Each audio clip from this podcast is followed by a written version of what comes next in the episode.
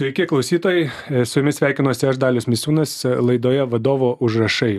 Šioje laidoje stengsiuosi, kad jūsų užrašuose atsidurtų pačios kokybiškiausios išvados, remiantis mokslininkų išvalgomis bei praktikų ekspertų patirtimi. Šiandieną kalbėsime apie ekonomiką. Ir e, ką ekonomika e, gali padėti vadovui, ar vadovas turėtų mąstyti kaip ekonomistas, e, kodėl e, turėtų arba neturėtų, e, ar tai yra naudingas įrankis ir kaip savyje vadovui auginti ekonomistą ir šiai temai turbūt negali būt geresnio pašnekovo negu nerijus mačiulis. Tai sveikinuosi su nerijum. Nerijau. Sveiki, sveiki, laba diena. E, ačiū labai kad prisijungei ir skirsim šį laiką padiskutuoti apie ekonomiką ne? E, nerijaus pristatinėt nereikia. E, būtų beprasmis laiko gaišimas išvardinti visus jo titulus. Tačiau noriu vieną tokį aspektą paminėti kuris gal nėra taip labai dažnai diskutuojamas apie nerijų. Nerijus du tūkstančiai septintais metais ism universitete apgynė daktaro disertaciją Taip. tema apie tai jos tema buvo apie revalvacinių spekuliacinių atakų prognozavimą Taip. tai nerijau pradžiai kas tos revalvacinės spekuliacinės atakos Tai situacija, kuomet valstybė turi fiksuotą valiutos kursą kitos valiutos atžvilgių ir investuotojai, spekuliantai priverčia tą valstybę padidinti nacionalinės valiutos kursą. Tai daug dažnesni istorijų pavyzdžiai yra devalvacijos, pavyzdžiui, gerai žinomas Junktinės karalystės, kuomet investuotojas Sorošas priimdamas investicinius sprendimus privertė devalvuoti svarą, Vokietijos markės, kitų valiutų atžvilgių, bet kartais pasitaiko tokiu atveju, kuomet investuotojai identifikuoja, kad ši valiuta yra dirbtinai nuvertinta, pavyzdžiui, skatinant eksportuotojus šalies mhm. ir perka tą valiutą tol, kol sustiprėjo jos valiutos kursas. Tai va aš būtent šį daug retesnį atvejį analizavau ir e, iš mokslinio tokio naujumo tai lyginau, um, koks instrumentas padeda lengviau prognozuoti tokius binarinius reikšminius. Ar tradicinė ekonometrinė regresinė analizė, ar dirbtiniai neuroniniai tinklai. aha Tai dirbtinis intelektas taip, tai, tai dirbtinis intelektas čia ant bangos buvo praėjusiais metais ir dabar išlieka, bet štai mes 2007 metais e, buvo pirmoji beje ISM apginta disertacija, buvo dirbtiniai neuroniniai tinklai, taikymas jų prognozavimų valiutų kursus. Labai įdomu, panašiu metu, šiek tiek keletą metų anksčiau, apie 2003-2004, man teko Adelaidės universitete susidurti su ANN, ar ne, dirbtiniais neuroniniais tinklais pirmą kartą. Ir tuo metu e, tie žmonės, kurie mane mokino apie juos, e, juos naudojo potvinių ir atoslūgių prognozavimui. Taip, taip pritaikymas yra labai platus ir būtent ir dabar jie daug kur naudoja ir tobulėjami ir, ir būtent naudojami dažniausiai ten, kur labai sudėtinga aprašyti aišku kažkokį matematinį funkcinį ryšį, ar ne? Yra kažkokie įvykiai, įvestis ir rezultatas. Tarp įvykio vieno A ir įvykio B, arba tarp eilės įvykio A, B, C, D, E ir kažkokio rezultato F nėra aiškaus funkcinio ryšio, yra tik tai kažkokie neuronai, neuroninės jungtis, kaip ir žmogaus galvoje, ar ne, iš kur atsiranda mintis. Tai va, to, tokiu principu suformuoti tie neuroniniai tinklai kartais leidžia prognozuoti tai, ką sunku net ir aprašyti matematinėmis lygtimis. Turbūt e, panašiai galima kalbėti ir apie ekonomiką. Kompleksinis e, priežasčių rinkinys ir, ir tam tikros pasiekmes ir bandymas turbūt ekonomistų duona bandymas paaiškinti Vienareikšmiškai. ir prognozuoti. Tai Taip, taip, nes ir turbūt e, niekas nesiginčytų, kad kompleksiškumas didėja kiekvienais metais. Yra vis daugiau veiksnių, daug, daug labiau integruota pasaulinė ekonomika, persipina ir tie, sakykime, gerai suprantami ekonominiai procesai ryšiai, bet įsijungia daugybė politinių, geopolitinių veiksnių, atsiranda ir didžiuliai klimato kaitos sukelti šokai, potviniai, e, kurie irgi labai sutrikdyti gali e, ekonominius procesus, ką matėme pastaraisiais metais ir pandemijos, kurios, na, tikrai nėra ne vieno ekonomisto, kuris savo modeliuose būtų įtraukę tokius rodiklius ir šokus, kurie ten įvertintų, kaip gali pandemija paveikti ekonomikos atvirumą ir uždarumą be to aišku greta ir dar karai energetinės krizės tai va čia turbūt pastarųjų penkių metų patirtis rodo kad e, prognozavimas yra labai nedėkingas darbas ir man atrodo vienas iš pirmųjų tai nylsas boras yra pasakęs kad prognozuoti yra labai ypač jeigu kalbam apie ateitį. Jo. Net ir dabartį suprasti yra sudėtinga, o ateitį tai apskritai tos prognozijos jos yra puikiai suprantam, kad labai trapios. Tai e, einu tiesiai prie e, esminio klausimo. Ar vadovui yra vertinga galvoti kaip ekonomistui? Aš manau kad sėkmingiausi vadovai nėra ekonomistai ir ir ekonomistai retai tampa vadovais taip turbūt Mhm. pasakyčiau Beje, čia galiu labai e, greitai įterpti. Kaip tik tą klausimą pasižiūrėjau, ar, ar galima su, suvokti, kiek maždaug procentų vadovų aukščiausio lygio didžiausiose kompanijose yra, e, turi ekonominį įsilavinimą, tai tas skaičius yra iki 10 procentų. taip tai vat patvirtina mano spėjimą kad e, kompetencijų kurių reikia vadovui mm, jos nelabai smarkiai persidengia su tipinio vidutinio ekonomisto gebėjimais. Nes e, kaip aš įsivaizduoju ką daro ekonomistas kuris e, pataria vadovui vadovams visuomenei plačiąja prasme ar tai būtų gamybinės įmonės vadovas ar banko vadovas ar ar investicijų fondų valdytojas ar asmeninių finansų valdytojas. Tai na yra kaip santechnikas inžinierius kuris paruošia infrastruktūrą pareiš pa pa pa paaiškina kaip vas veikia kokios yra rizikos kokios yra galimybės kas veiks o kas neveiks o tuomet jau vadovas jis turi prisiimti rizikas priimti sprendimus pamatyti galimybes tai tai vat iš tiesų mūsų darbas yra surinkti informaciją kurią kiekvieną dieną ir vis daugiau atsirinkti tarp to kas yra svarbu ir nesvarbu tarp to kas pasensta greitai o Mhm. kas bus svarbu dar ir po metų susisteminti ir kokybinę ir kiekybinę informaciją ją suvest kažkaip į tokią lengvai apdorotą greitai priimamą informaciją ir pateikti taip kad padėtų priimt sprendimus vadovui. Va čia yra ekonomisto darbas bet patys ekonomistai na jie nebūtinai yra geri sprendimų priėmėjai ir ir aš kiek matau iš savo aplinkos ir iš savęs tai e, dažnai ekonomistai turi tokį polinkį matyti rizikas matyti pavojus įspėti Labiau negu kad galimybės. labiau negu galimybės ir iš Mhm. tiesų vat kai kaip toks būna kartais atgal klausimas nu o tai kur čia mums galimybė tai toks iš karto įsijungia gynybinė reakcija kad čia ne mano darbas jūs čia ieškokit tų galimybių mūsų darbas lygtais pamatyt kas blogai bet tai nėra tiesa nes iš tiesų tai mes vis tiktai piešdami objektyvų pa įvertindami objektyviai kas vyksta pasaulyje tiek vidaus rinkoj tiek eksporto rinkose matydami kažkokius struktūrinius lūžius nu turime pamatyti ir atsiveriančias galimybes bet bet galiu pasakyti iš patirties ir ir visų ekonomistų tekstuose ir mintyse ir prezentacijose dažniausiai yra toks polinkis truputį į neigiamą pusę kas gali įvykti blogai Čia ne vakar kažkur išgirdau tą tokį pasakymą, kad aplamai, jeigu žiūrėti viešą erdvę, Mm. polinkis į neigiamą e, Taip. sentimentą stiprėja. Visgi e, vadovai kasdienybėje naudoja nemažai ekonominių įrankių, pavyzdžiui, kaštų naudos analizę ar ten alternatyvių kaštų vertinimą. E, ir turbūt e, e, bent jau iš mano patirties, kalbant su vadovais, būnant su jais universitete, tikrai visi turi nu, norą suprasti ekonomiką. Ar, ne? ar, ar ten vat, tavęs paklausę, paskaitę, ar ne, ar, ar bandydami jau šiek tiek lysti giliau. Tai kaip galvoji, kas e, iš ekonomikos e, e, supratimo yra svarbu vadovui ir gali duoti tą vertę?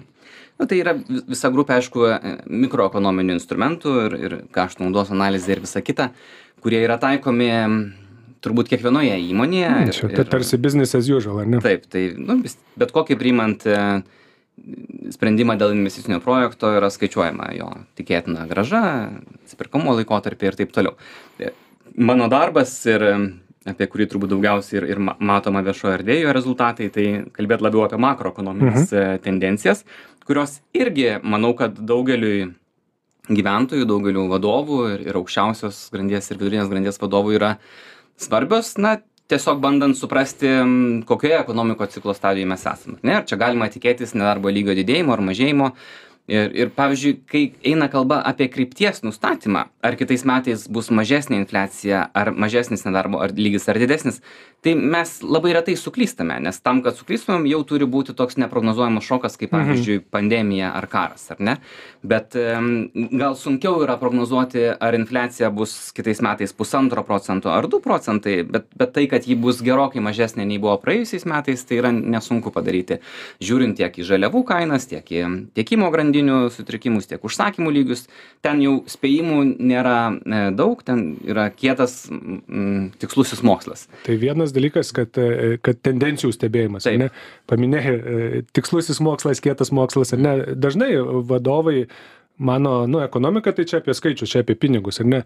Bet ekonomistai dažnai akcentuoja, kad ne, bet čia yra apie žmonių elgesį. Taip tai kaip pačiam e, visiškai klasikinė ekonomika tai ko aš mokiausi universitetuose nu nu yra matematizuotas. Jo visi analitiniai pagrindai atsiranda iš fizikos. Mhm. diferencialinės lygtys modelis netgi pagrindiniai veikėjai žmogus įmonė yra racionalūs agentai. Tai yra kaip kompiuteris mąstantis optimizuojantis nedarantis klaidų nesivadovaujantis emocijomis. Mes puikiai suprantame kad ir kiekvienas Bet, žmogus ir kiekvienas žmogus ir kiekvienas vadovas ir kiekvienas investuotojas net ir pats racionaliausias jie yra kaip čia tie drėgni robotai jie Taip. yra pilni emocijų jausmų ir ir tie jausmai paveikia jų elgseną ir e, iš tiesų prognozuojant tai yra viena tie kieti faktai kuriuos mes turime pavyzdžiui tai ką žinome apie žaliavų kainas apie jų tikėtinas tendencijas pagal naftos pasiūlą paklausą visa tai mes irgi analizuojame bet greta to yra visuomet e, elgsenos elementas Mhm. kuris yra labai stiprus jį irgi galima pamatuoti bet e,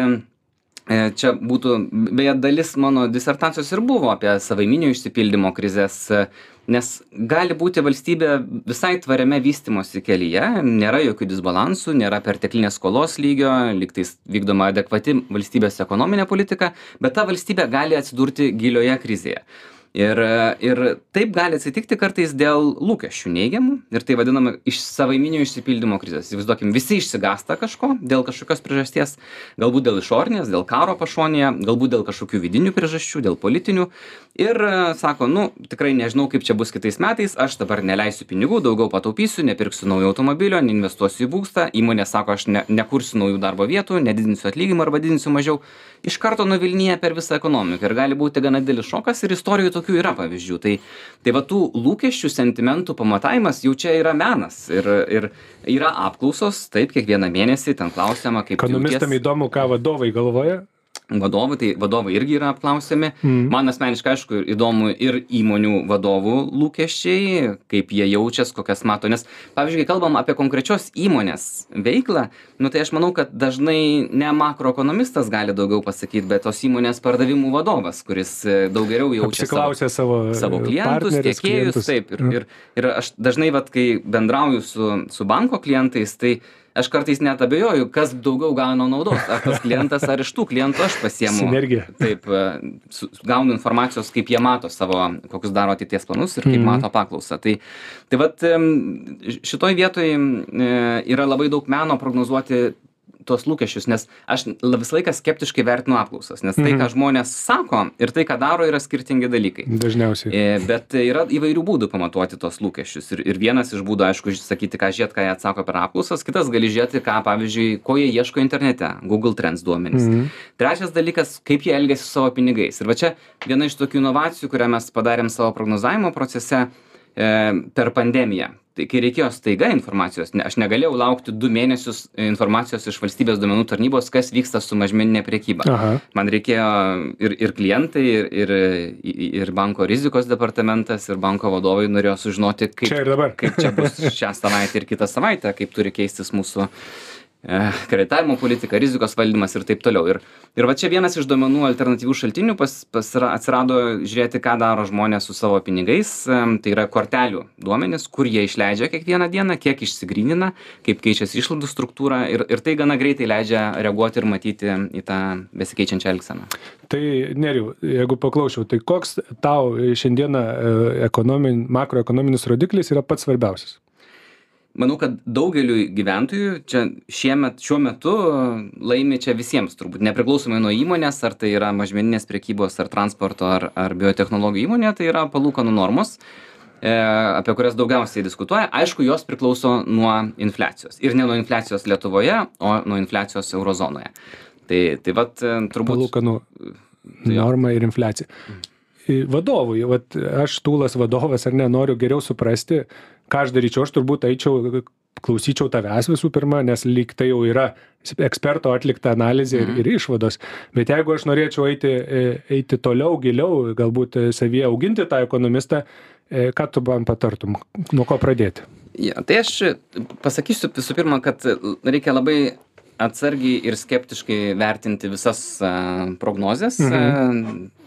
Tie, tie, kurie geriausiai turbūt prognozuoja infliaciją ir palūkanų normas, neturi laiko per tai daug šnekėti radio laidose, turbūt priima investicinius sprendimus. čia tik tai irgi sureaguosiu kažkur perskaičiau kad prognozijas negali būti patikimos, nes ta informacija, makroekonominė informacija yra nemokama. Sako, jeigu būtų patikimos, tai būtų apmokestinta.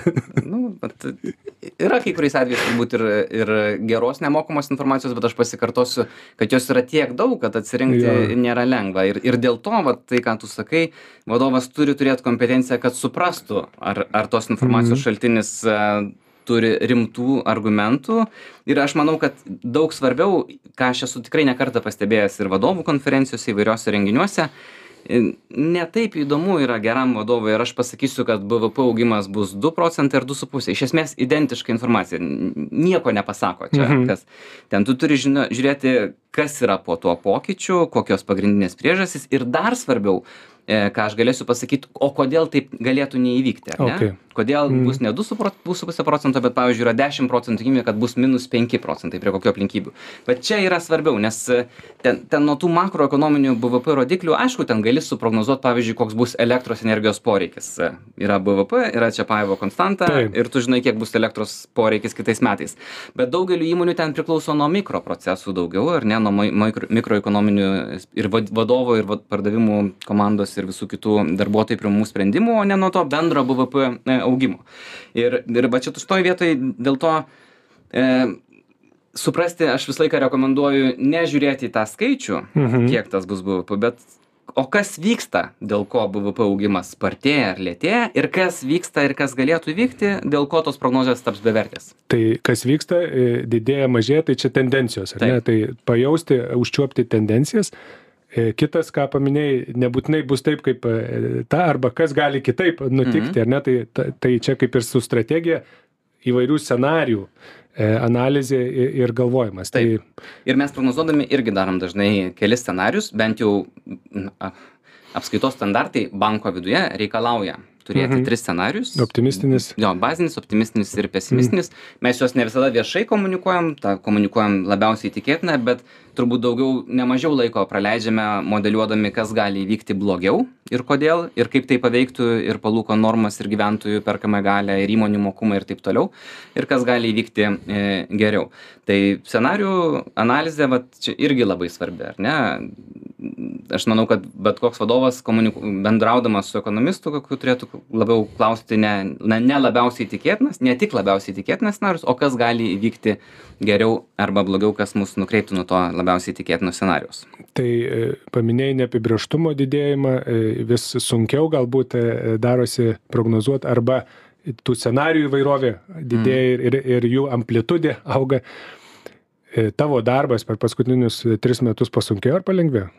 Tikrai tapo įdomesnis Įdomesnis. nes reikėjo ir naujų žinių ir ir ieškoti naujų instrumentų kurių pagalba suprasti vykstančias tendencijas ir aš jau net nekalbu ir apie suvokimą ten skaitymą apie skiepų veikimo efektyvumą ir- Išplėtei savo kompetencijų ribas. ir, ir energetikos infrastruktūrą stebėti, iš kur yra, kokiais kanalais tiekiama į Europą, kaip jie gali greitai būti vystomi ir taip toliau. E, Bet be jokios abejonės yra sudėtingiau, nes tie struktūriniai lūžiai iš tiesų sunkiai yra modeliuojami, ten labai daug kas e, atsiremia į prielaidas. Bet aš, aš gal dabar nėra laiko girtis, bet aš tikrai mes labai džiaugiamės, kai 2020 metais, kai visi čia prognozavo visišką Kolapsą. kolapsą mūsų prognozė buvo optimistiškiausia bet dėl tos priežasties kad aš žiūrėjau į kortelių duomenis ir nemačiau nei panikos nei nei labai didelio lūžio jis buvo lūžis bet jis buvo labai trumpas truko maždaug vieną mėnesį ir paskui labai greitai grįžo elgsena ten kur buvo Šitoje vietoje labai tinkamas momentas. Tai e, vadovas e, e, supranta, e, dažniausiai, jeigu supranta savo darbą kaip sprendimų prieimimą, ar ne? nes tai yra jo tiesioginis produktas, kurį jisai gamina. Kai mes skaitom, e, sekam viešą erdvę, vat, e, vieną dieną bus krizė, kitą dieną nebus krizė, yra daug labai informacijos, kaip ir sakai, ne viską galima lengvai suprognozuoti, to prognozė scenarijų gausa pasižymi.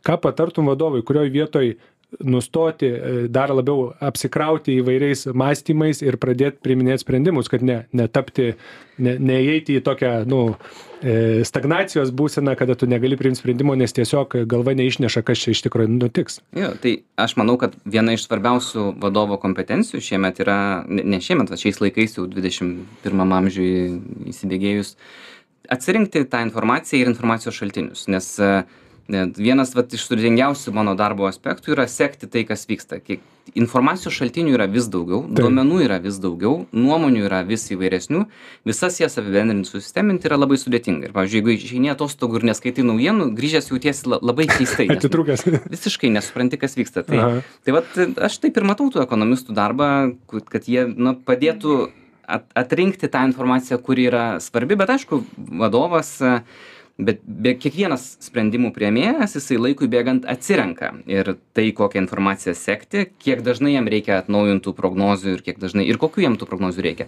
ir vat grįžtant prie palūkanų normų tai nu nebūtinai klausyti ką aš galvoju nors mano Mm. svedbanke vienas iš mano pagrindinių darbų yra europos centrinio banko veiksmų prognozavimas Aha. ir palūkanų normų prognozavimas tai aš Yra pagrindo tavęs klausyti. aš aš stebiu ką kiekvienas iš to valdančiosios tarybos e, e, šneka ir ir kada jie keičia nuomonę ir ir pagal mes klausom lagart spaudos konferencijų pagal jos retoriką pagal į bandom nu nujausti kada pasikeis jų nuomonė apie tai kas vyksta euro zonoje bet aš visąlaik galiu pasakyt nebūtina tikėti vienu ar kitu ekonomistu ar ar per daug per perdėm pasikliauti. Yra euriboro ateities sandoriai kuriuos galima visada pasižiūrėti ko rinka tikisi. Mhm.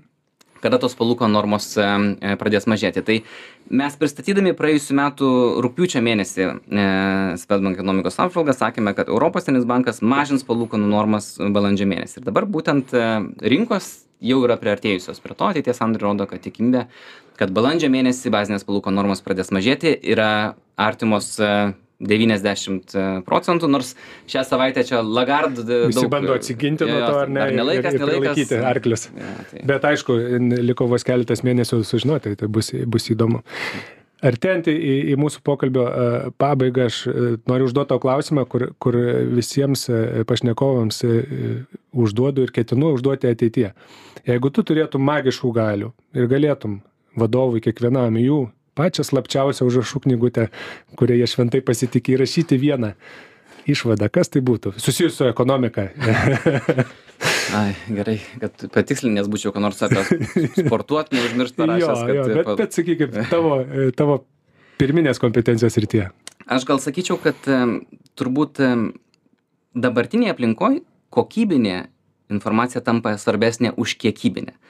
Ne tai, kokį ten skaičių rodiklį prognozuoja vienas ar kitas e, ekonomistas, bet e, kaip jis gali apibūdinti situaciją ir argumentus ir priežastis, e, kurie veda link vienokio ar kitokio ekonominio scenarius. Tai tarsi ne tik žinoti, bet ir suprasti. Taip, visiškai teisingai. Čia dar, dar nu, gal taip jau visai būtų paprastai ir Mm. akivaizdu, tai, bet manau, kad tikrai kartais ne, labai paprasta, aišku, paimti vieną skaičių ir sakyti, va, jis apibendrina viską, ką man reikia žinoti, bet po to skaičium dažnai slypi daug, desni, daug įdomesni dalykai. Ar ne Einšteinas pasakė, kad kiekvienai kompleksiniai problemai yra paprastas, greitas ir neteisingas sprendimas. Jo, dar galim pabaigti mano mėgstamo tokio vieno statistiko profesoriaus Aronas Levensteinas yra pasakęs, kad e, statistika arba bet kokie finansiniai makroekonominiai duomenys yra kaip bikinis. Ką parodo, sudomina, suindrikuoja, o ką paslepia yra esmė. Tai žiūrėkim į esmę. Ačiū Nerijau, čia buvo Nerijus Mačiulis ir aš Dalius Misiūnas laidoje vadovo užrašai. Tai tikiuosi radote ką pasižymėti ir galbūt vieną dieną ta Nerijaus slapta magiška mintis atsidurs ir jūsų užrašinėse. Ačiū, kad klausėte ir iki kitų susitikimų. Ačiū iki.